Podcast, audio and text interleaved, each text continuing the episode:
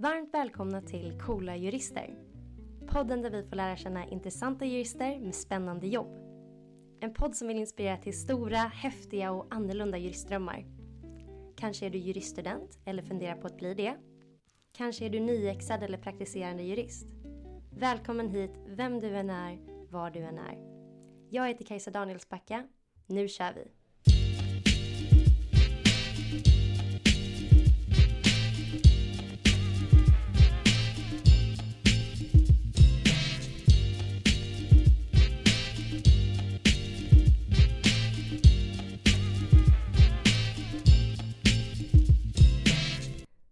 Tjenare! Välkomna till ett nytt avsnitt av Coola jurister. Juridiska föreningen i Uppsalas officiella podcast är ju detta och sponsrade är vi av Cederqvist. Och idag så har jag en fantastisk cool jurist med mig och det är ingen mindre än Mia Edvall Insulander. Och Mia är 46 år, kommer från Stockholm och med en juristexamen från Stockholms universitet i bagaget så började hon arbeta som jurist på den humanjuridiska advokatbyrån Insulander Lind år 2001. Hon arbetade på firman i flera år och blev advokat 2007 och senare delägare. Och hon har under sin långa karriär arbetat med alla delar inom familjerätten och även utbildat sig till medlare. Hennes engagemang inom Advokatsamfundet går även en lång tid tillbaka då hon varit engagerad inom olika projekt och tidskrifter och suttit som ledamot för samfundets huvudstyrelse. Och I september 2019 tillträdde hon som generalsekreterare och efterträdde då Ann Ramberg som suttit nästan 20 år som generalsekreterare. Välkommen Mia! Tack så mycket. Kul att ha dig här, verkligen. Ja, spännande. Och det är inte första podden har du berättat. Du är lite av en rutinerad poddare. Ja, det beror på vad man menar med rutinerad. Men några poddar har jag spelat in. Ja, nice. Det kommer ja. ingen Advokatsamfundet-podd snart då med dig som ja, ledare. Vem vet? Det är ett bra format tycker jag. Det är bra med samtal i poddformat. Visst är det? Mm. Lyssnar du på mycket poddar? Jag hinner inte riktigt. Jag tycker om att lyssna på poddar så jag skulle gärna lyssna oftare än vad jag gör. Jag lyssnar mycket på radio men jag hinner inte riktigt med poddarna. Jag förstår det. Nej, jag är, alltså ärligt talat så lyssnar faktiskt inte jag så mycket på poddar heller trots att jag har en egen. Men eh, ja, Ja, men det, det, är en skillnad för det blir ofta samtal på riktigt kan jag tycka i poddar som, som saknas i, i radion är det ju liksom snabbare ofta. Så, så att, um, det, det, är ett väldigt bra format där man kan berätta och delge saker på ett uh, bra omfattande sätt tycker jag. Absolut, men det är det som är grejen också tror jag för varför jag inte lyssnar lika mycket med det är att man vill ju verkligen sätta sig in i en podd. Man vill mm. ju verkligen ta till sig det. Jag är mycket mer van vid att lyssna på musik men eh, Eh, det är en helt annan grej att lyssna på podd. Man kan verkligen som du säger få ett djupare samtal. Väldigt spännande. Och eh, du är ju generalsekreterare för Advokatsamfundet och inte bara det, du är givetvis advokat också. Och jag tänkte att vi skulle börja med lite tydligt jobbfokus och köra det helt enkelt. Hur, hur blir man advokat egentligen? Du måste först ha en juristexamen. Eh, sen ska man arbeta i tre år på typiskt sett en advokatbyrå. Eh, och efter det så kan man ansöka om att bli advokat och då skickar man in en ansökan till Advokatsamfundet. Eh, du ska också ha gått kurser, tre stycken olika kurser som handlar om etik som Advokatsamfundet ger. De kurserna måste du också ha gått. Eh, och eh, så ska man göra en examen faktiskt också innan ansökan då kan prövas av Advokatsamfundets styrelse och du kan beviljas inträde. Just det, men är det någon form av, det är ingen intervju eh, eller så med någon form av styrelse? Eller? Nej, det är det inte. Utan det, det är den här utbildningen du måste gå. Du ska göra faktiskt en examen både i konstitutionell rätt eh, och sen en munta i advokatetik. Eh, och sen så kan ansökan prövas då av styrelsen. Men för att bli advokat så att, att vara advokat är ett, ett yrke som är reglerat i lag i rättegångsbalken. Eh, och du måste styrka din lämplighet och redbarhet faktiskt. Redbarhet låter ju som ett gammaldags ord. ja. Men eh, när du ansöker då om att, att bli advokat så måste du uppge alla de personer som du haft yrkeskontakter med under de här tre åren som du har arbetat, referenser. Eh, och då handlar det lite grann om vad du har arbetat med för typ av juridik. Har man arbetat med humanjuridik, human juridik, alltså familjerätt, brottmål, då har du typiskt sett ofta kommit i kontakt med ganska många jurister, advokater, domare. Så. Och alla de ska uppges eh, som referenser när du ansöker om inträde till Advokatsamfundet. Så det är alla domare som har dömt i alla mål man varit i och hela Ja, sen kan vi ibland säga att om det är en väldigt, väldigt lång lista så kan man behöva begränsa det där lite grann. Men alla som har kommit i kontakt med dig som jurist på, under de här tre åren ska ha en möjlighet, ska till, då tillskriver vi dem från Advokatsamfundet och säger att nu har den här person, personen sökt inträde och anser att hon, han är lämplig. Eh, och har du några åsikter? Ehm, och eh, ibland så kan man ju då få kritik ehm, och då får man tillfälle att bemöta den kritiken och sen prövar styrelsen om du är redbar och lämplig att bli advokat. Just det, så det är egentligen som att eh, man ska bygga upp ett CV som man brukar, som man, om man tänker ett vanligt jobb inom ja. citattecken. Så bygger man upp ett CV med referenser som är viktigt och sen så verkligen kollar ni de referenserna också. Ja, alltså Advokatsamfundet har ju en styrelse och det är en stor del av den styrelsens arbete att gå igenom alla inträdesansökningar. Det är ju eh, flera hundra per, per år, så det är, det är många. Ehm, och ja, du behöver kunna styrka att vad, vad, har man arbetat med. Man ska komma in med arbetsgivarintyg förstås också. Du ska styrka att du inte är i konkurs. Man måste också intyga att man inte, eller man ska tala om om man har begått, om man är dömd för något brott. Ehm, så det är en ganska omfattande ändå prövning för att se om man är redbar. Just det. Hur många blir advokat ungefär per år? Blev jag intresserad nu när du sa Ja, det är en bra fråga. Mm. Jag vet faktiskt inte på rak arm, men det är många. Ja. ja. Och det väl det, de är viktiga. Vad, vad skulle du säga att det, att det innebär att vara advokat? Ja, vad är, det, det, finns, när du pratar om siffror, jag kan säga att det finns 6 000 advokater idag i Sverige ungefär. 6 100 ungefär advokater finns det. Sen finns det ju en hel del biträdande jurister som arbetar som jurister på advokatbyråer eh, som arbetar där innan de blir advokater.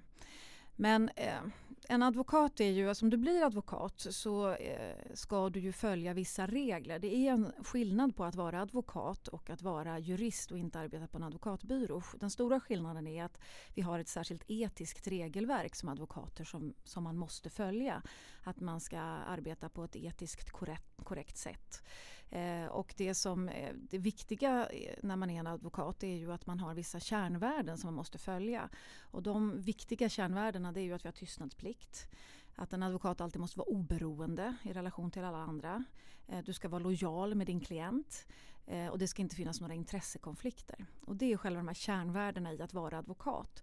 Sen kan du arbeta med väldigt olika typer av juridik. Och även om du är advokat, du kan jobba med affärsjuridik eller immaterialrätt, straffrätt, familjerätt, migrationsrätt. Du kan arbeta med massa olika typer av, av juridik på olika typer av advokatbyråer.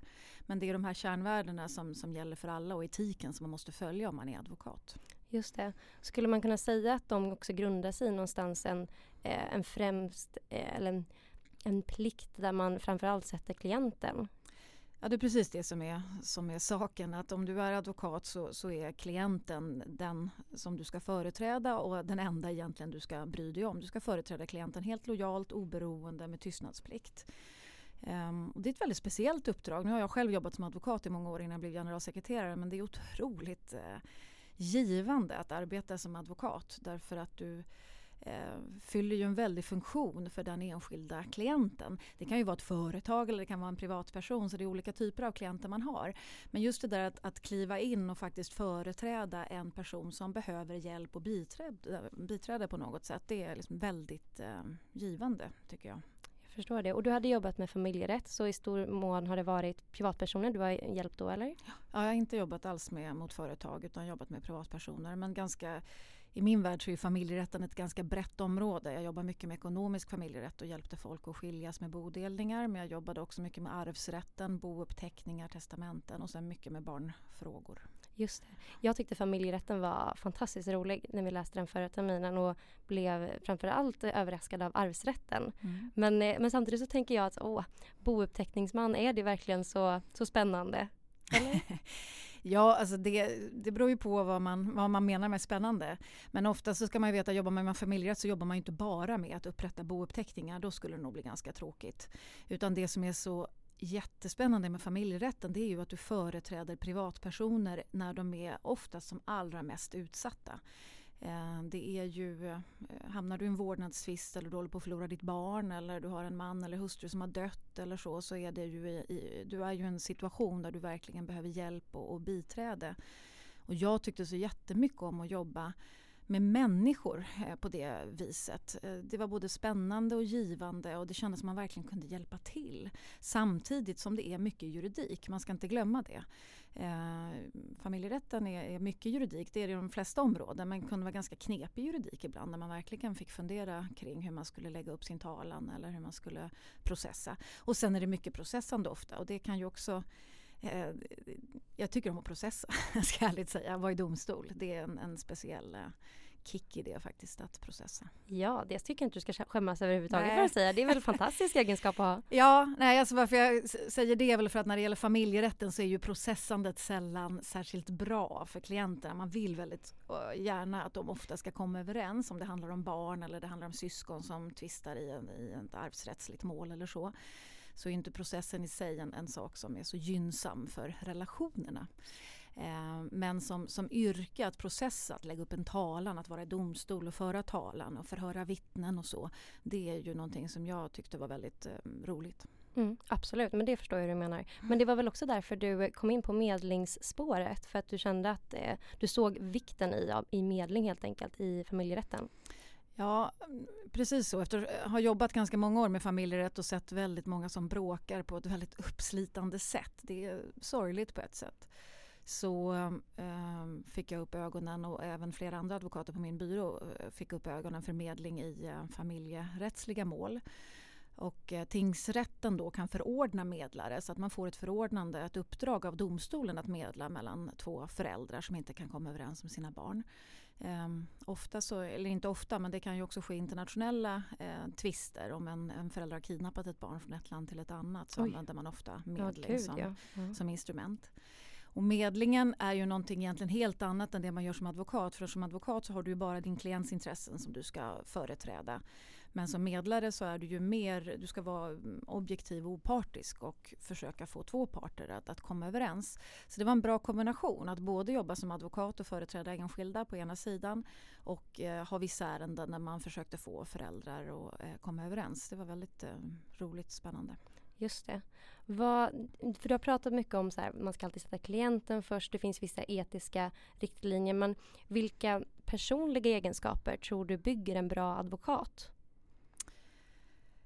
Lyhördhet är nog det första ordet jag kommer att tänka på då. Det känns som ett bra ord. Ja, du behöver vara lyhörd för din klient. Det är nog A och O. För att att vara advokat handlar ju om att kunna ta till dig vad, vad din klient berättar och göra ett case av det.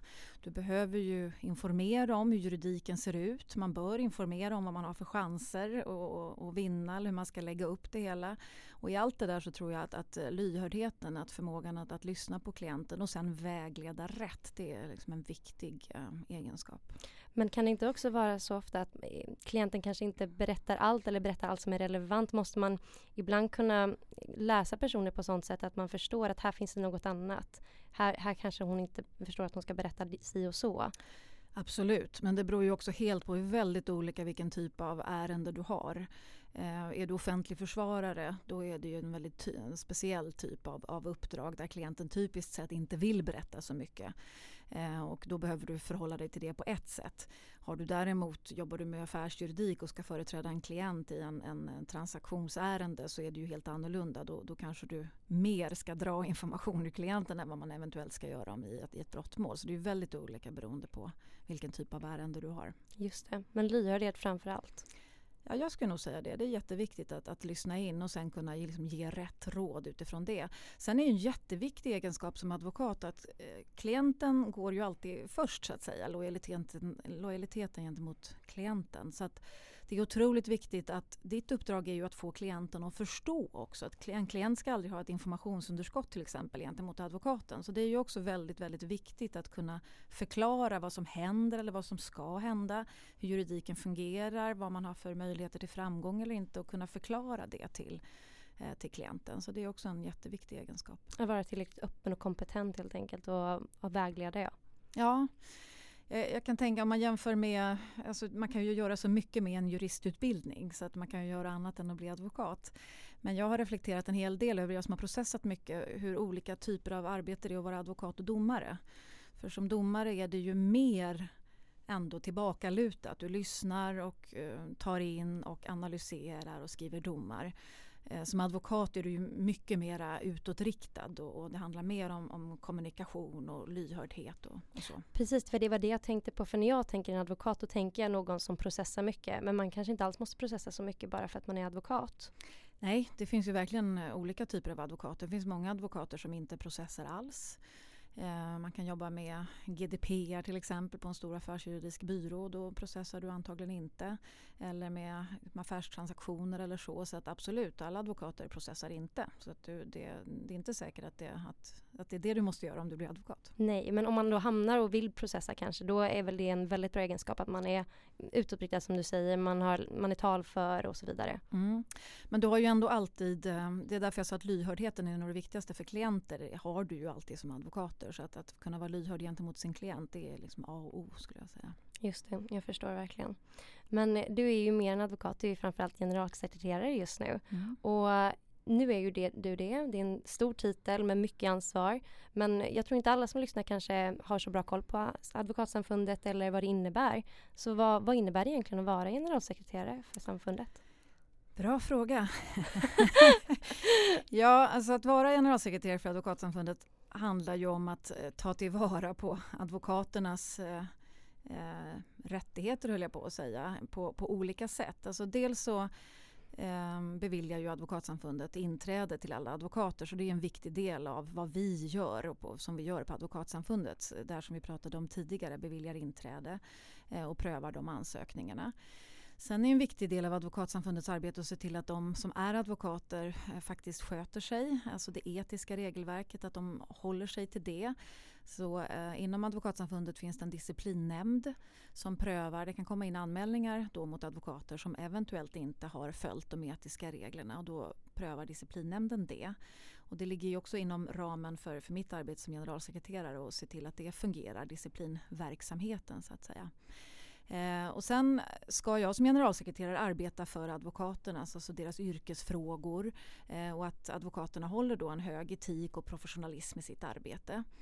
Eh, så det, det, huvuddelen är ju att eh, ta hand om och se till advokatfrågor. Eh, men sen är en stor del också att vara eh, en röst i den rättspolitiska debatten kan man säga. Advokatsamfundet har eh, under flera år blivit en sån viktig röst och då handlar det dels om att vara en remissinstans. Vi svarar på väldigt många remisser. Eh, drygt ja, 120-130 remisser per år svarar vi på i olika lagstiftningsfrågor.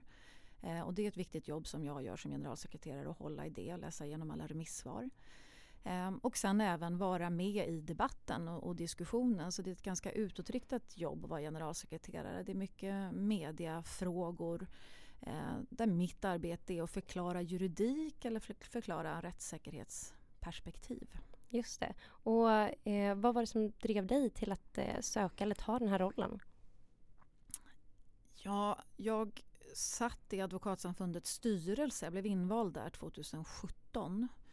Eh, och innan dess så hade jag varit lite aktiv i olika advokatsamfundsfrågor. Advokatsamfundet driver ju många olika projekt. Advokat i framtiden för yngre jurister eller eh, Hilda som är ett projekt för kvinnliga jurister och sådär. Så jag var lite aktiv i olika sådana nätverk och frågor. Och så fick jag möjligheten att bli invald i huvudstyrelsen.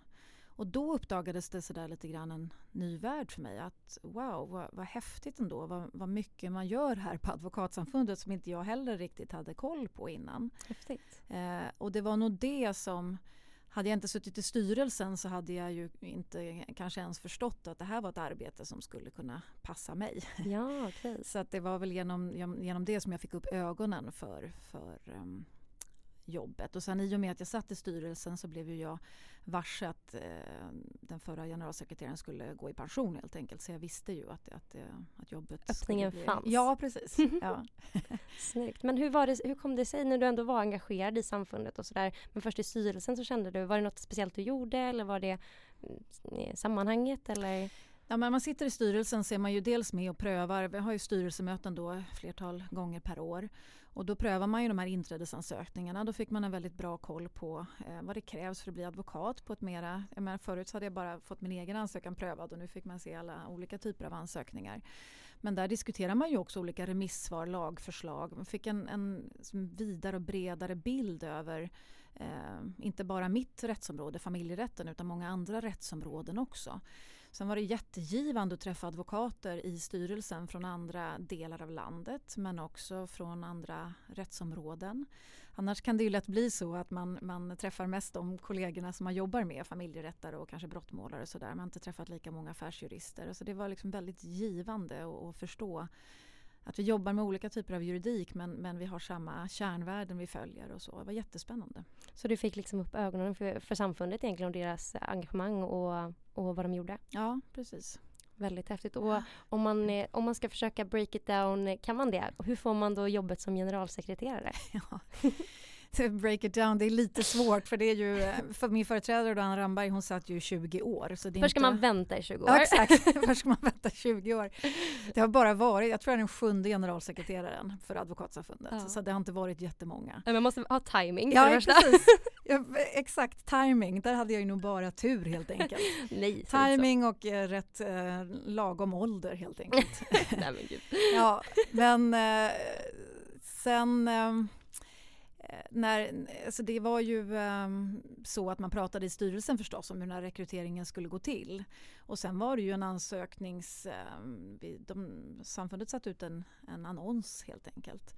Uh, och sen fick jag frågan från några olika håll. Uh, skulle inte du kunna tänka dig att söka det där jobbet? Hade jag inte fått den frågan från något håll då vet jag inte om jag hade bara så helt självmant klivit in och sagt att det här passar mig. Så, så att jag funderade, när jag fick frågan så funderade jag ganska noga och tänkte så här, är det ett jobb som skulle kunna passa mig och varför och vad är det man gör egentligen? och, och så. Det är ett väldigt utåtriktat arbete, eh, mycket mediakontakter. Och det krävs för att man gillar det, tycker om att eh, ändå prata i media och inte är rädd för det och så. Det var nog en, en viktig förutsättning. Just det, kändes det läskigt på något sätt? Nej men egentligen inte. Där hade jag ju då lite, jag har varit med ganska mycket i media. Jag var familjerättsexpert i TV4s Nyhetsmorgon under Just ganska det. lång tid. Så att jag har varit med en del i TV och spelat in en, en, eh, en serie också som heter Skilsmässohotellet och så. Så att jag har... Eh, Vänta va? Ja, har inte sett Skilsmässohotellet? Berätta mer! ja, eh, det var väldigt spännande. Det var en, en serie som gick på fyran och sjuan där jag hjälpte folk att skiljas helt enkelt. Eh, Hur kan jag ha missat det ja. här? När gick det här? Ja men det är några år sedan, vad kan det vara nu? Tre, fyra år sedan ungefär. Gud jag måste bara inte varit tillräckligt intresserad av juridik back then. Det, jag har ju ändå börjat för typ två år sedan. Eller inte tillräckligt intresserad av skilsmässa. ja nej typ så, jag kände att det var down the line så att säga. Eh, så jag har gjort en, varit del, en, en del i media och tyckt att det är spännande och givande faktiskt. Så det var väl en aspekt på det hela. Eh, men sen så i och med att jag hade suttit i styrelsen kändes det spännande. För jag har jobbat med familjerätt nu nästan 20 år och kände att det är ju spännande att få möjlighet att göra något annat. Så jag tar chansen och söker. Sen var jag inte säker på att jag skulle få jobbet. Men efter att ha funderat ganska länge, jag funderade över sommaren där, kände jag att nej men jag vill nog söka. Sen får vi se om jag får jobbet. Gud vad häftigt. Och, och här sitter du idag. Ja, precis. Mycket häftigt. Mycket häftigt. Och som du sa så hade du en företrädare som satt mycket länge, mm. Ann Ramberg. Hur, hur ser du på hennes tid som sekreterare? Hon satt ju så länge så hon har ju verkligen eh, Gjort avtryck? Ja, hon har gjort avtryck och det beror ju mycket på hur länge hon satt men också på den eh, personen hon var och vad hon har gjort. Eh, alltså hon har väl framförallt gjort Advokatsamfundet väldigt synligt och det, det är väldigt bra för att i, under hennes tid så har Advokatsamfundet blivit en viktig röst i den rättspolitiska debatten. Eh, och det är jättebra och, och, behövs tycker jag. Sen har ju under hennes tid, det har ju också varit en, en, under en period då medierna har utvecklats, alltså sociala medier kom ju just under den här perioden också. Twitter kom under den perioden som hon satt som generalsekreterare och så. Så att det har ju funnits bra möjligheter att också utvidga området för, för, ehm, Ja, för engagemanget och frågorna. Absolut. Mm. Spännande. Men, och hon var ju väldigt känd för att vara frispråkig kan man absolut säga. Och ibland så sa hon saker som folk tyckte var kontroversiella. Hur, hur känner du? Skulle du säga att du planerar att vara lika frispråkig eller liknande så? Så jag har inget problem med att vara frispråkig. Eh, men det, be, det behöver vara rätt sammanhang så att säga. Som, som jag tycker är rätt sammanhang.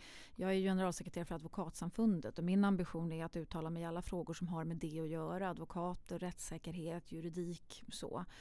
Um, så har jag tänkt det. Nu har jag bara suttit i, vad är det, sex, sju månader. Åtta. Åtta, ja tack.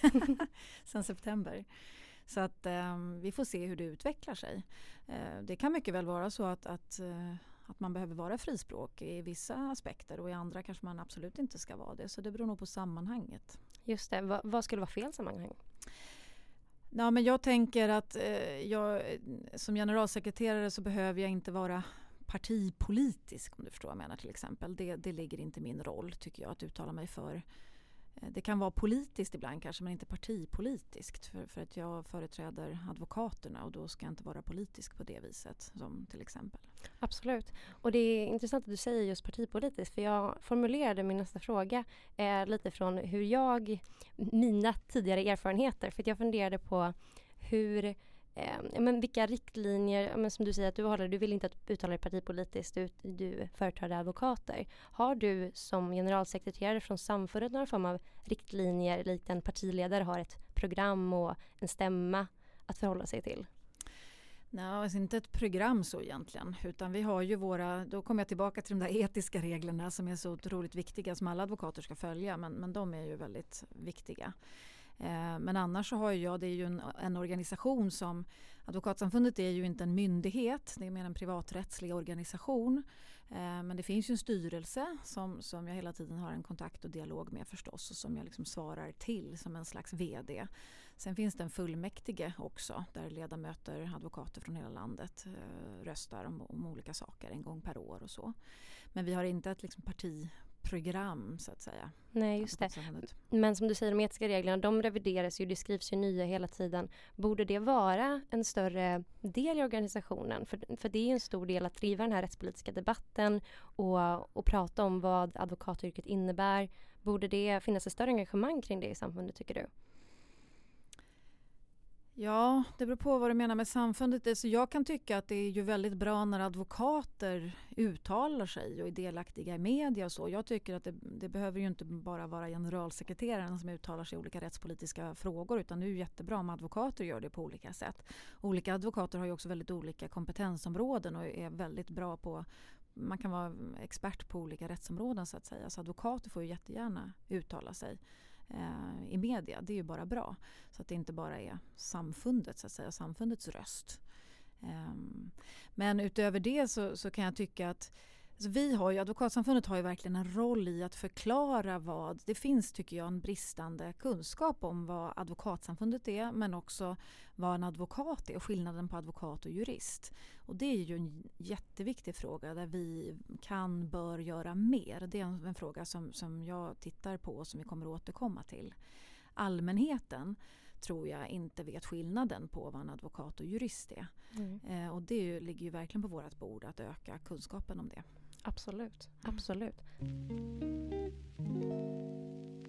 Du sa precis att du vill ju informera mer allmänheten om skillnaden mellan advokat och jurist och det är någonting som du vill jobba för. Har du några andra mål som gäller rörsekreterare nu? Målet är väl att eh, behålla förtroendet för advokatkåren. Det är det övergripande stora målet. Sen kan man ju ha massa liksom, mindre delmål hur man ska uppnå det men det är A och O. Det är ju eh, det är lätt för mig att säga som har jobbat som advokat i så många år också men en, en advokat fyller ju en otroligt viktig funktion, en helt nödvändig funktion i en rättsstat. Och jag kan nog tycka att, det att, man, att de flesta, inte, allmänheten tror jag inte förstår det.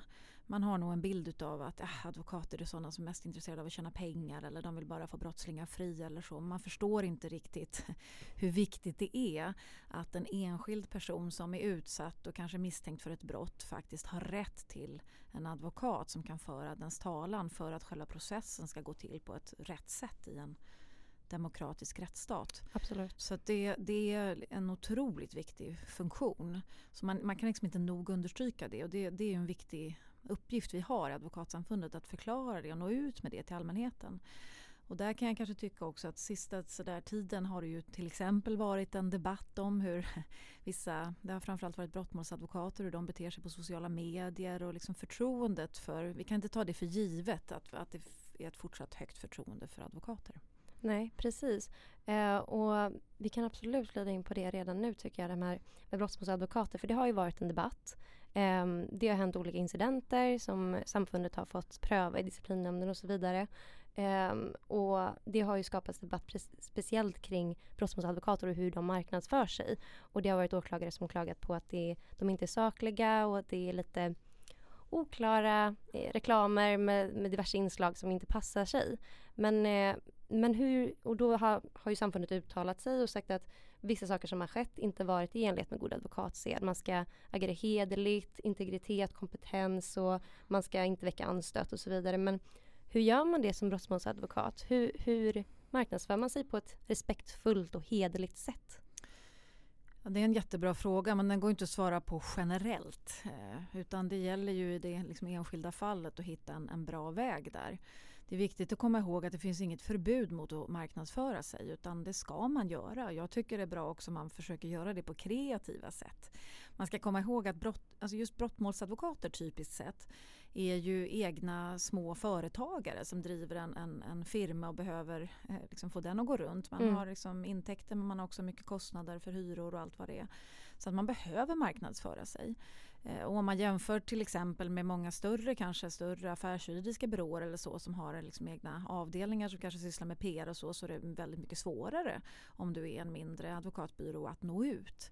Så att det finns ju inget förbud, det är viktigt att understryka det, mot att använda sociala medier eller så för att faktiskt nå ut. Precis och jag, och jag tänker det att det är ju speciellt med tanke på hur det fungerar för att få klienter i om man är brottsmålsadvokat. Om man inte har ett gäng uppradare som ofta vill behöver ens hjälp så är det ju inte så enkelt. Och, och är man till skillnad från en affärsjuridisk byrå som har klienter, företag som gång på gång kommer behöva hjälp, då det är ju riktigt, inte riktigt samma sak. Och man behöver bli begärd, gärna om någon har blivit häktad. Eller så blir man, list, blir man lottad fram på en domstolslista. Då är det betydligt svårare och framförallt att ta sig fram som en ny byrå eller ny eh, enskild advokat om man konsultar.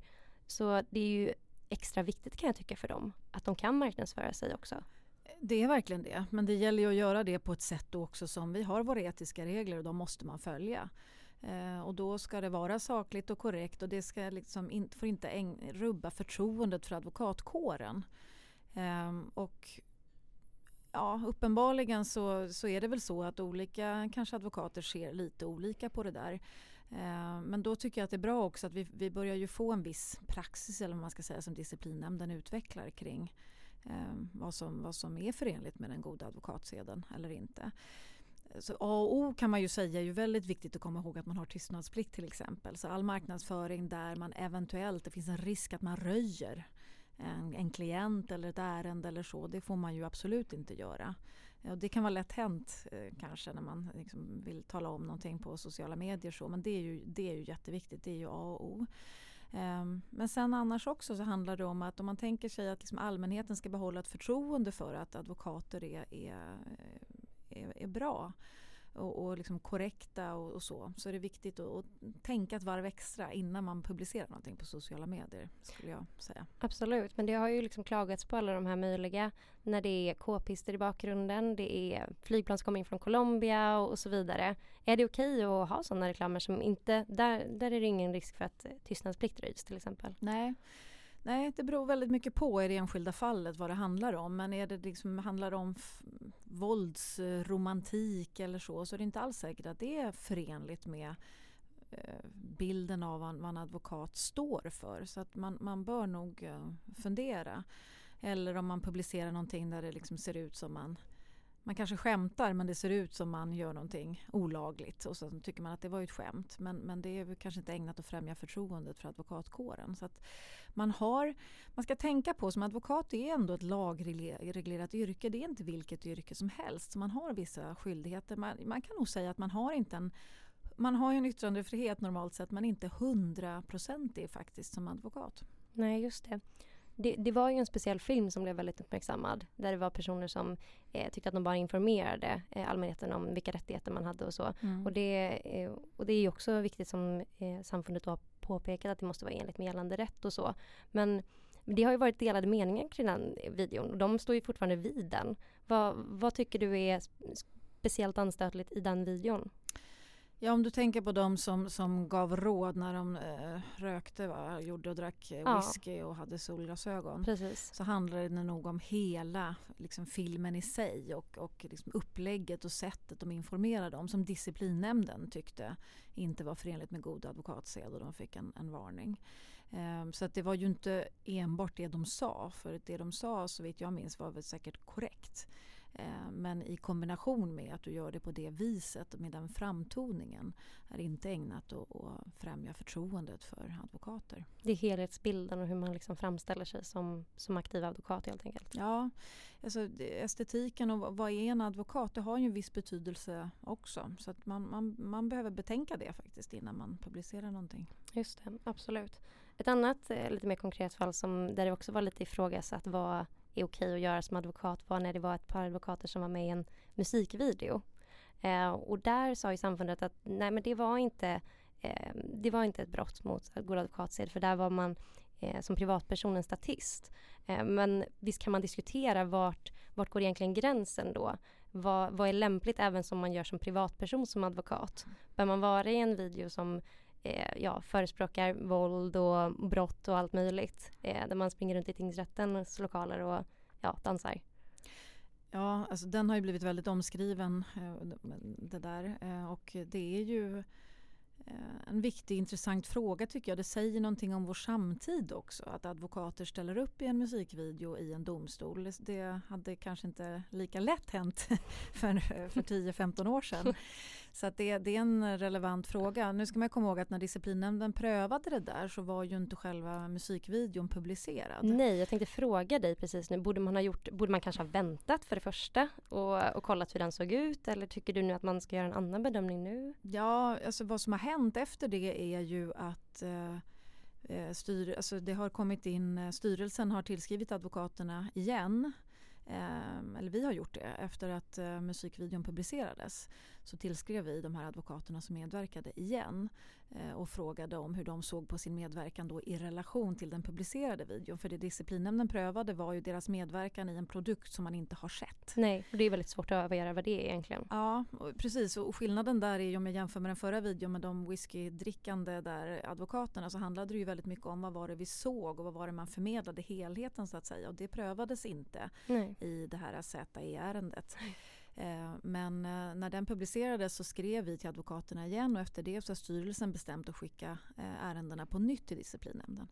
Okay. Så att det är inte avgjort slutligt än utan disciplinnämnden kommer att titta på det igen så får vi se. Intressant. Mm. Nej, alltså, för jag kan absolut följa med i argumentationen i att nej, men, man är inte bara advokat hela sitt liv. Varenda gång, även när man går hem, man måste kunna göra saker som privatperson. Men det är ändå ganska jag vet inte om jag som advokat hade känt att Åh, det här känns som en superbra idé och Eh, och även om det var det så, så har man gått ut på sitt Instagramkonto, sitt byråkonto och sagt att nu är vi med i den här eh, eh, musikvideon. Jag vet inte vart det är. Det är okej. Okay. Nej, vet, många har ju reagerat. Både allmänhet och advokater har reagerat och tyckt att det inte är liksom förenligt med att ägna eh, att förtroendet för advokatkåren att delta i ett sådant sammanhang där man uttrycker en viss disrespect man säga, för rättsväsendet. Absolut. Men som sagt, frågan är inte helt uh, avgjord ännu så vi får se vad som händer. Mycket spännande, verkligen. Eh, framförallt tänker jag väl vad som var eh, problematiskt var väl hur det kunde hända i tingsrätten. Hur det kunde gå, gå till så, att man fick tillstånd överhuvudtaget. Mm. Det är väl det konstigaste nästan. Ja, det är, precis. Där kan man ju också säga att det var ju också verkligen tingsrätten involverade. De, de fick ju ändå tillstånd att komma dit så det var ju inte det var förberett. Ja, och sen så är det nu debatt om väktarna, om sa de någonting eller inte. Mm. Och, ja, väldigt eh, mm, oklart. Mm. Ja, men det är inte riktigt någonting som har med advokater direkt att göra. Um, men eh, du ska ju driva rättspolitik och eh, du ska driva den rättspolitiska debatten som Advokatsamfundets företrädare. Och vilken roll skulle du säga, du har pratat om det lite redan med remissinstanser och så vidare, men vilken roll spelar Advokatsamfundet idag i den debatten? Jag tror vi spelar en stor roll. Det beror mycket på min företrädare som satte samfundet på, på kartan där, Ann Ramberg. Eh, vi spelar en stor roll, man lyssnar på oss, politikerna lyssnar på oss. Vi har en bra dialog också med justitieministern och justitiedepartementet och så. Eh, och det som vi eh, diskuterar och gärna vill framföra i alla lagförslag oavsett vilket lagförslag det är det är ju just rättssäkerhetsperspektivet eh, Eh, hur lagarna utformas och, och eh, så. Eh, och det, det är väldigt viktigt och där, på det sättet är vi en viktig remissinstans. Eh, vi brukar ju understryka, och det gäller ju oavsett vilken lag det är, men alla lagförslag behöver vara, eh, dels ska det finnas ett behov av lagen. Sen måste den vara effektiv och sen ska den vara proportionerlig. Och de där tre, den analysen gör vi i nästan alla, när det gäller alla remissvar egentligen. Finns det ett behov här, är det effektivt och är det proportionerligt? Eh, och i dessa tider när det eh, kommer speciellt på kriminalpolitikens område med olika förslag när det gäller eh, nya skärpta straff och liksom hårdare lagföring så är det extra viktigt att, att någon påtalar den, den analysen kring så här, är det här verkligen en lagstiftning som vi behöver? Är den effektiv då eller är det bara symbollagstiftning så att säga? Och är den proportionerlig? Och proportionaliteten eh, är oerhört väsentlig. För det, det, handlar ju om att på ena sidan är, eh, av, av myntet är så att säga lagföring. Att vi vill lagföra personer som begår brott. Det vill vi ju alla. Eh, så. Men på andra sidan ska man komma ihåg att det finns faktiskt eh, mänskliga fri och rättigheter i vårt samhälle som vi lever i. Och det kan vara lätt att glömma bort det. Alltså till exempel integritet eller rätten till ett privatliv. Det är en, en grundläggande frihet som mm. vi har. Om vi hela tiden skjuter gränserna kring eh, det där med hårdare lagstiftning så utvecklar vi ett samhälle som vi kanske inte riktigt har förstått vart vi var på väg så att säga. Eller som vi vill ha egentligen. Eller som vi vill ha. Och det är så lätt och där tror jag att Advokatsamfundet fyller en viktig roll det är så lätt att i det enskilda lagförslaget tycka så här, ja men det är klart vi ska ha ett hårdare straff för våldtäkt. Det är ju helt självklart. Och sen glömmer man den liksom övergripande analysen att om vi har hårdare straff för våldtäkt, vi har hårdare straff för det här brottet och för det här brottet så flyttar vi hela tiden fram positionen i alla brott och till slut så hur, hur hårda och långa straff ska vi ha så att säga. Det, det, det behövs en övergripande analys kring eh, rättspolitiken och vart det bär hän. Så ni jobbar som en liten aktiv bromskloss ibland, känner du det? Ja, det, alltså det gör vi. Vi blir ju en tråkig bromskloss ibland. Det får ju ofta frågan så här, ja men herregud, tycker inte ni att vi ska lagföra brottslingar och är det inte hemskt att, eh, att de, och det tycker vi ju förstås också. Det är viktigt med effektiv brottsbekämpning. Det är jätteviktigt. Eh, men det måste ske proportionerligt. Det låter så trist. Eh, men jag, jag, tänker att om man försöker tänka på att det faktiskt är liksom mänskliga rättigheter på andra sidan. Ibland får man ta sådana enkla exempel som att säga, tänk dig själv att du blir misstänkt för ett brott eh, som du kanske vet att du inte har begått. Eh, du vet det, men ingen annan tror det. Då gäller det också att det finns en, en, ett, ett samhälle där du har rätt till en advokat och där du kan föra din talan och där du liksom inte blir dömd för ett, ett, till ett straff som inte fanns när du begick brottet till exempel. Alla de här liksom rättssäkerhetsmekanismerna är väldigt viktiga. Just det. Vilka andra frågor tänker du är viktiga just nu i debatten? Just nu så är det ju bara coronadiskussioner i debatten skulle jag säga. Men, men innan corona kom så handlade det väldigt mycket om kriminalpolitik. Eh, det fanns ju, regeringen kom ju med ett 34-punktsprogram med olika förslag på um, kriminalpolitiska förslag helt enkelt. Och de är ju viktiga. Som sagt, jag är noga med att understryka det att, att eh, effektiv lagföring och straff, liksom, det, det, är viktigt i ett samhälle att människor ska kunna känna sig trygga. Så det är ju inte det Advokatsamfundet tycker något annat. Eh, men varje lagförslag behöver analyseras utifrån sina förutsättningar och i relation till annat. Det är det som är så viktigt att fundera över i varje enskilt lagförslag. Absolut. Hur, hur, är det nu i coronatider? Är det något speciellt ni måste beakta och tänka på när ni reviderar lagförslag? För jag kan tänka att det kommer ju nu lagförslag som, som de vill få ut direkt och man vill snabbt kunna göra åtgärder av goda anledningar givetvis. Men har det varit problem, problematiskt eller? Ja, det har varit det lite grann. Det har ju framförallt varit vissa lagförslag där man har liksom haft en remisstid på en eller två dagar. Oj, och det är ju extremt snabbt. Det, det, var bland annat eh, ett förslag där regeringen ville utöka sina befogenheter att meddela eh, förbud mm. utan att det skulle prövas av, av riksdagen eh, som, som normalt sker. Mm. Och det var lite anmärkningsvärt tycker jag för då kom den remiss på remiss på en, eh, om det var fredag eftermiddag eller till och med lördag och sen så skulle det vara klart på måndag klockan nio. Oj. Och där var inte Advokatsamfundet med som remissinstans heller. Då blir man lite sådär att mm. Mm, det känns lite oroväckande faktiskt i Sverige, ett land som Sverige att det ska gå så fort. Det kändes inte riktigt eh, befogat. Vi uh, såg det där och yttrade oss ändå och mm. påtalade mm. vad vi, vad vi liksom ansåg. Bra. Ja, ja det, det, precis. Där var vi faktiskt snabba och det, och det, var bra. Sen fick ju lagrådet granska det hela också och var också kritiska till vissa delar och så. så det, men det är viktigt att tänka på det där att liksom remissförfarandet och att, att det utreds och, och noga gås igenom innan det blir lagar. Det är ju normalt sett oerhört viktigt. Absolut. Om, jag tänker att det kanske till och med finns några advokater, inte bara studenter som lyssnar på den här podden. Om, om man är advokat och känner att ja, men jag vill engagera mig i de här frågorna, hur, finns det någon möjlighet att genom samfundet engagera sig? Ja, alltså man får ju mer än gärna bara höra av sig till oss, till mig eller någon annan på Advokatsamfundet. Vi använder, när vi skriver remissvar så an, använder vi oss av advokater som är experter på olika områden som, som är författare och opponent. Eh, och sen så bearbetar vi det också förslaget när vi får tillbaka. Så vi använder väldigt många advokater som hjälper oss jättebra med olika remissvar. Så att man får ju, det är bara att höra av sig till oss om man vill engagera sig i olika frågor. Eh, det är vi mer än välkommet. Fantastiskt. Och om du skulle vara lite självkritisk på den rättspolitiska debatten och hur ni driver den, hur kan, hur kan ni förbättras? Ni, det öppnades upp mycket sa du med Ann, men hur kan ni bli ännu bättre? Ja, det är en bra fråga. Eh, jag tror att vi kanske kan bli bättre på att förklara vad vi egentligen menar. Lite grann så tror jag att Advokatsamfundet ibland i, i media i alla fall just upplevs som en bromskloss. Här, advokatsamfundet säger alltid nej eller de tycker inte det är bra eller de tycker inte att vi ska ha hårdare straff. och då har inte alltid poängen gått fram. Så, eh, så att uh, i media så tycker jag alltså själva remissvaren de ser ut som de gör och det finns ju en speciell uppbyggnad på dem och ska vara liksom korrekt juridiskt formulerade och så. Men i media så tror jag att vi har en, en, en kommunikativ, jag tror att det finns, vi kan förbättra vår kommunikation. Mm. Uh, att, att bättre förklara varför och, och hur och det övergripande och så.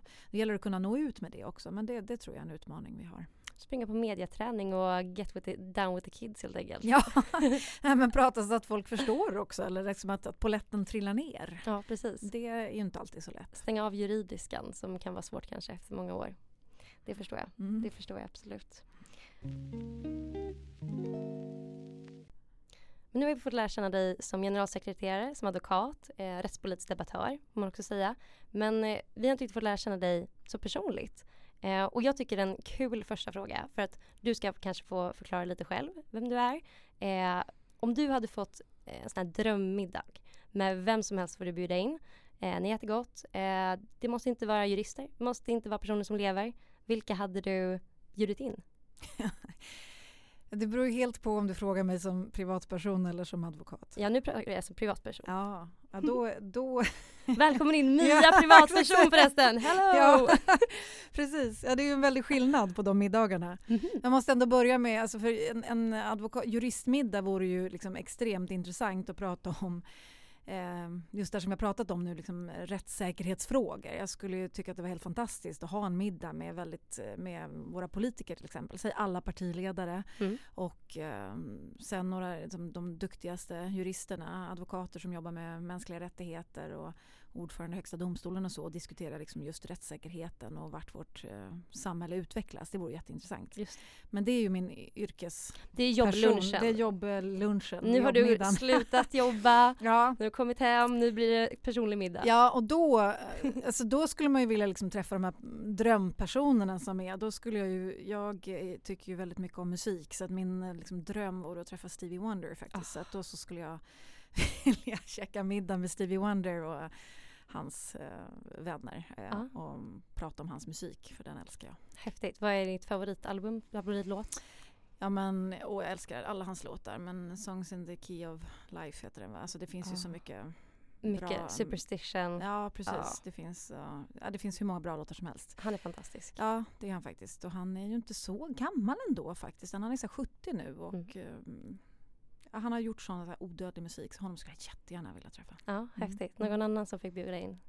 Vad sa du? På Någon den? annan som du fick bjuda in? På det, just på den middagen så tänker man, jag tycker det vore så häftigt att träffa Barack Obama också. Oh. Jag tänker Barack och Stevie, de skulle nog, eh, de känner säkert varandra redan. Tror du? Ja, de har säkert träffats i alla fall, det tror jag. Ja, det har de ja. Så att, um, det skulle bli jättespännande. Uh, mm. Speciellt nu i dessa tider tänker jag när man har en annan typ av president så vore det ännu mer intressant att prata med Barack Obama om hur han ser på Absolut. utvecklingen i USA. Ja gud och alla dessa uttalanden om att injicera desinfektionsmedel och mm. uff, Mm. Det är speciella tider, alltså verkligen. Ja det är verkligen speciella tider. Om man inte tro, tyckte illa honom innan så gör man väl det nu. typ. ja. ja det är i alla fall tycker jag sådär som man ofta tappar hakan fortfarande faktiskt över hur, hur han uttalar sig, vad som händer och så. Så det, vore, ja, det vore intressant att prata med Obama om det just, kan jag tycka. Ja. Han måste verkligen ta sig, han måste vara verkligen, äh, undra vad han känner. Han måste känna helt eh, gud, när man har byggt upp något så mycket ändå eh, och jobbat så hårt för någonting måste det vara förfärligt. Ja, det tänker jag också. Han har haft det ämbetet och liksom är mån om hur samhället och USA utvecklas och så händer det här. Så det, det måste vara speciellt. Och jag tänker, tänk vad många medieträningar han har varit på där han fått lära sig att göra raka motsatsen till vad Trump gör nu. Och sen så går han ut och gör det och bara får applåder och polsen går upp liksom. Han måste ju bli helt Ja det är jättefascinerande. Men jag, tycker, jag kan tycka att Obama när man hör honom prata så han verkar vara en, han verkar vara en, en lyhörd person. Om man får återkomma till det ordet jag pratade om förut. Verkar han vara. Ja. Det vet man ju inte. Kanske, kanske en helt annan på riktigt än, än mediabilden. Men han känns som en lyhörd person. Ja absolut. Det kanske han har lärt sig av sin jurist till, eh, till fru. Ja hon har säkert lärt honom massor. Mm. Mm. Henne, hon kan ju få vara med på middagen också hon kan, såklart. Det tycker ja. jag också. Eller jag hade bjudit in henne. Hon, ja. hon är cool. Ja, har du läst hennes bok? Nej, det har jag faktiskt inte gjort. Den skulle jag gärna läsa. Ja. ja. Får ta, ta upp den i sommar eller någonting. Mm, verkligen. Men apropå bok, du, jag läste att du vill skriva en bok. Jaha, har du läst det? Ja. ja, jag tycker om att skriva i alla fall. Eh, jag tycker om att läsa också. Eh, ja. Jag skulle gärna skriva en bok. Men tycker du om att skriva, är det remissvar eller tycker du om att bara skriva jag tycker om att skriva allt faktiskt. Jag, nu får, det har faktiskt varit roligt med det här jobbet som generalsekreterare. Jag får skriva väldigt mycket och lite friare än vad jag gjorde i min roll som advokat. Som advokat skriver jag mycket så här stämningsansökningar och sådär. Men här så bloggar jag och, och, så, så jag kan skriva lite friare. Mm. Och sen, eh, men jag tycker fortfarande det är väldigt kul att skriva analytisk juridiska texter också och remissvar eh, och så. Eh, och sen har jag en dröm om att skriva en skönlitterär bok någon gång. Men det ska man ju inte säga kanske för då när man inte har gjort det sen så kommer man bara... jag tror inte någon kommer gräva upp Nej. det här poddavsnittet. Och om det är så så finns det faktiskt någonstans på internet. För jag grävde, ja jag grävde inte så djupt utan, utan att jag kunde hitta den. Det finns redan där, ja. Nej men det vore så himla kul. Jag har, jag har hållit på och skrivit lite grann på en, på en bok och då inser man att det är ju eh, svårt eh, att skriva en riktigt bra bok. Så där ja. Det är lätt att bara skriva men sen att det ska bli så där bra så att du vet, man ja. tänker att det här vill folk läsa. Verkligen. Det är, är svårt och det tar tid. Det kräver ja. mycket arbete. Vad, får man fråga, vad, vad handlar det om du har skrivit om eller vad vill du skriva om? Ja, det går liksom inte riktigt att undvika att skriva om. Jag, jag tycker jag har mött så många olika ö, alltså människoöden i mitt jobb som familjerättsadvokat. Så att det jag har skrivit har liksom tangerat det, som människors utsatthet i rättsliga processer eh, på olika sätt. Utan att liksom skriva om ett särskilt case så, så har jag liksom blivit inspirerad av det. Just det, gud vad spännande. Ja, Men då är det utifrån den personen då? Ja precis, utifrån olika personer hur man kan uppleva att vara i en, en, en jobbig tvist helt enkelt i, mm. i, i, domstol som handlar om någonting privat. Mm. Um, det, det, är min tanke att försöka skildra det. Gud vad spännande. Jag vill läsa. Jag är tyvärr inte så bra på att läsa men jag tänkte det om du läser mycket. Ja, jag läser mycket. Vad har du för boktips? Jag tänker att i sommar då ska jag, det kommer bli mitt sommarmål, att läsa mer böcker. Mm. Men det beror ju helt på vad man gillar. Man ska ju verkligen hitta en bok som man tycker om. Man ska absolut inte läsa böcker som man inte gillar. Och det gäller att hitta rätt. Så det beror helt på vad man, vad man tycker om. Mm. Jag, jag, läser mycket som skön eh, litteratur, verkligen. Eh, det finns en svensk författare som heter Lina Wolf som jag verkligen kan rekommendera som har skrivit eh, flera böcker, framförallt två här på senare tid som är riktigt bra. Vad handlar det om? Ja, hon har skrivit en bok som heter De polyglotta älskarna. Oj! Eh, ja, polyglotta, inte polygama? Nej, polyglotta älskarna. den kan verkligen, den är, det är en väldigt speciell handling i den. den rekommenderas. Ja. Läs den. Spännande. Mm. Jag måste absolut skriva ner. Jag, jag är alldeles för dålig på att läsa. Det vore roligare att bli... Varför är du det då? Alltså... Gud, jag vet faktiskt inte. Jag... Du läser ju mycket när du pluggar antar jag. Ja, jag är trött på det då. Nej, men alltså... ja, nej, jag vet ju, om man inte ska läsa saker jag inte gillar så är det saker av Tony Hågestad. Den kan vi stryka. Den ska vi inte läsa i sommar. nej. Jag har redan läst också. Uh, men uh, nej, jag vet inte, vissa böcker gillar jag absolut. Uh, Dan Brown tycker jag är helt ja, fantastisk. Alltså, det är ju page turners. Och ja, men ibland om jag verkligen kommer in i en bok så är det trevligt. Jag har försökt börja läsa lite biografier av häftiga kvinnor. Men det har liksom inte bara, jag vet inte. Eh, kanske bara det är rätt bok det ska vara. Ja, Katarina Wenstam, har du läst henne? Hon skriver ju eh, om liksom svenskt rättsväsende på ett väldigt eh, bladvändande sätt. Okay. Eh, de kan jag verkligen rekommendera, nästan alla hennes böcker. Hon har skrivit en, en serie om en, en, en, advokat som löser, löser olika fall, låter lite fel men de är ju väldigt, eh, ja, de är väldigt, eh, säger en del om vårt sam, vår samtid också. Just det, spännande. Ja, men jag måste, det är sommarmålet helt enkelt. Mm. Läsa mer böcker. Och när du skriver din bok ska jag absolut läsa den såklart. Det är bra, en läsare. Yes! Yes. Ja, det, det är ju bättre än noll läsare. Ja, det är det. 100 procent. Ja. Men vad jag tyckte var mest spännande eh, när jag hittade, när jag grävde, och jag hittade ju att du skulle skriva böcker och allt möjligt. Men då hittade jag att du har varit utbildad till skådespelare och, och skådespelat lite innan din juristkarriär. Ja, det beror på vad man menar med utbildad. Så. Ja. Men eh, ja, jag gick teaterskola i två år. Ja, men gud vad kul. Jag älskar att spela teater. Jag blev Ja. helt så här, oj, gud vad häftigt. Ja. ja, men teater är ju också underbart för det är så liksom här och nu på något sätt också. Och så gestalta olika människoöden. Det är Ja. jättekul med teater. Gud vad spännande. Men eh, hur var det, hur kom det sig att du liksom gav upp det eller gav upp är kanske fel ord men gick vidare från det?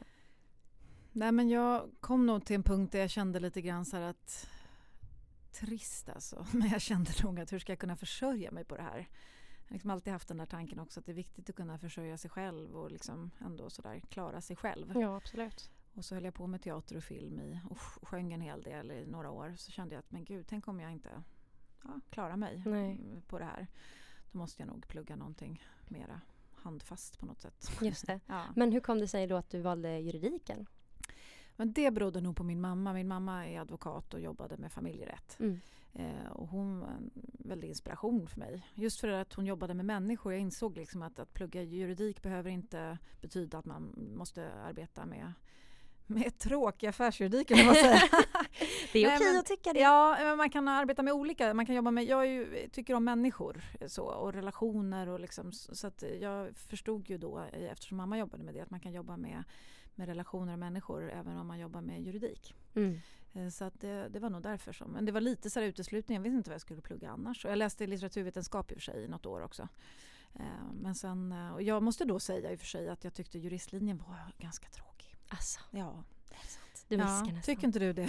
ja, det ska man inte säga om man, men Det får man absolut när säga. jag pluggade så var det ju, det var ju liksom bara läsa, nöta, läsa, nöta, läsa, nöta in. Jag saknade liksom mer så här, praktik eller retorik eller Mm. sådär liksom tillämpning. Borde vi inte ha praktik lite mer faktiskt? Ja, jag, jag tycker det. För det är svårt också att föreställa sig. Under juristutbildningen så behöver man ju också på något sätt tänka sig men vad vill jag jobba med? Alltså man hamnar rätt sen. Och då behöver man testa på någonting annat än att bara sitta och bläddra i, i lagbok och förarbeten faktiskt. Absolut.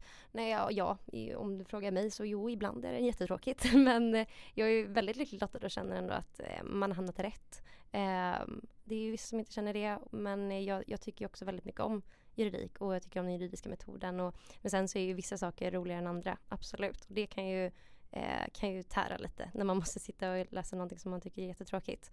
Ehm, Ja, och det är ju man, det är svårt att tycka om alla ämnen. Så Ja. vissa kurser blir, det är olika för olika personer, men vissa kurser blir ju jobbigare än andra.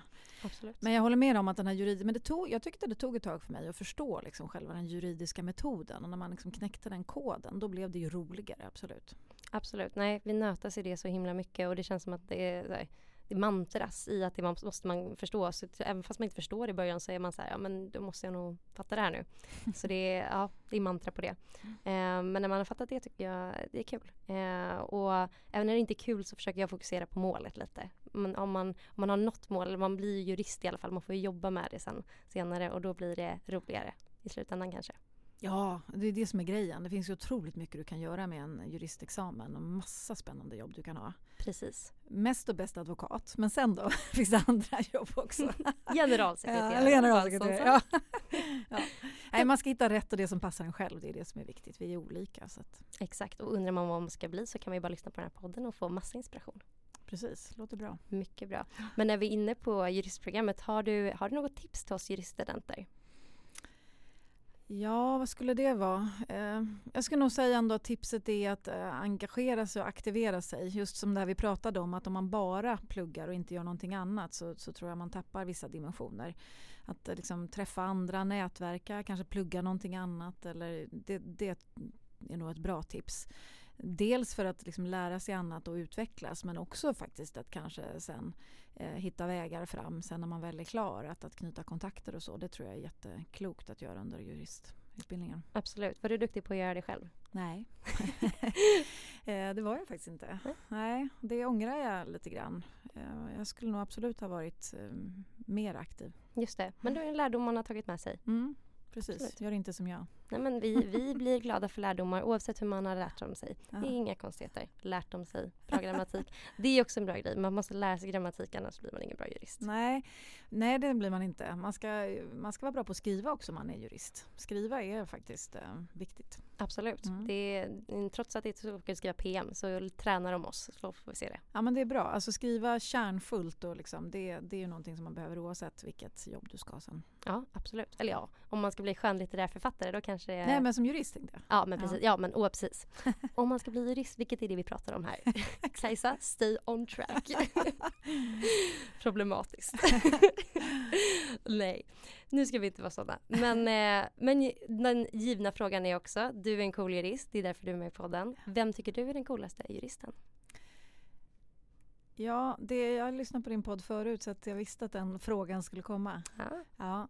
Och då måste jag nog faktiskt säga att jag måste gå tillbaka. Den coolaste juristen är nog faktiskt då den första kvinnliga advokaten.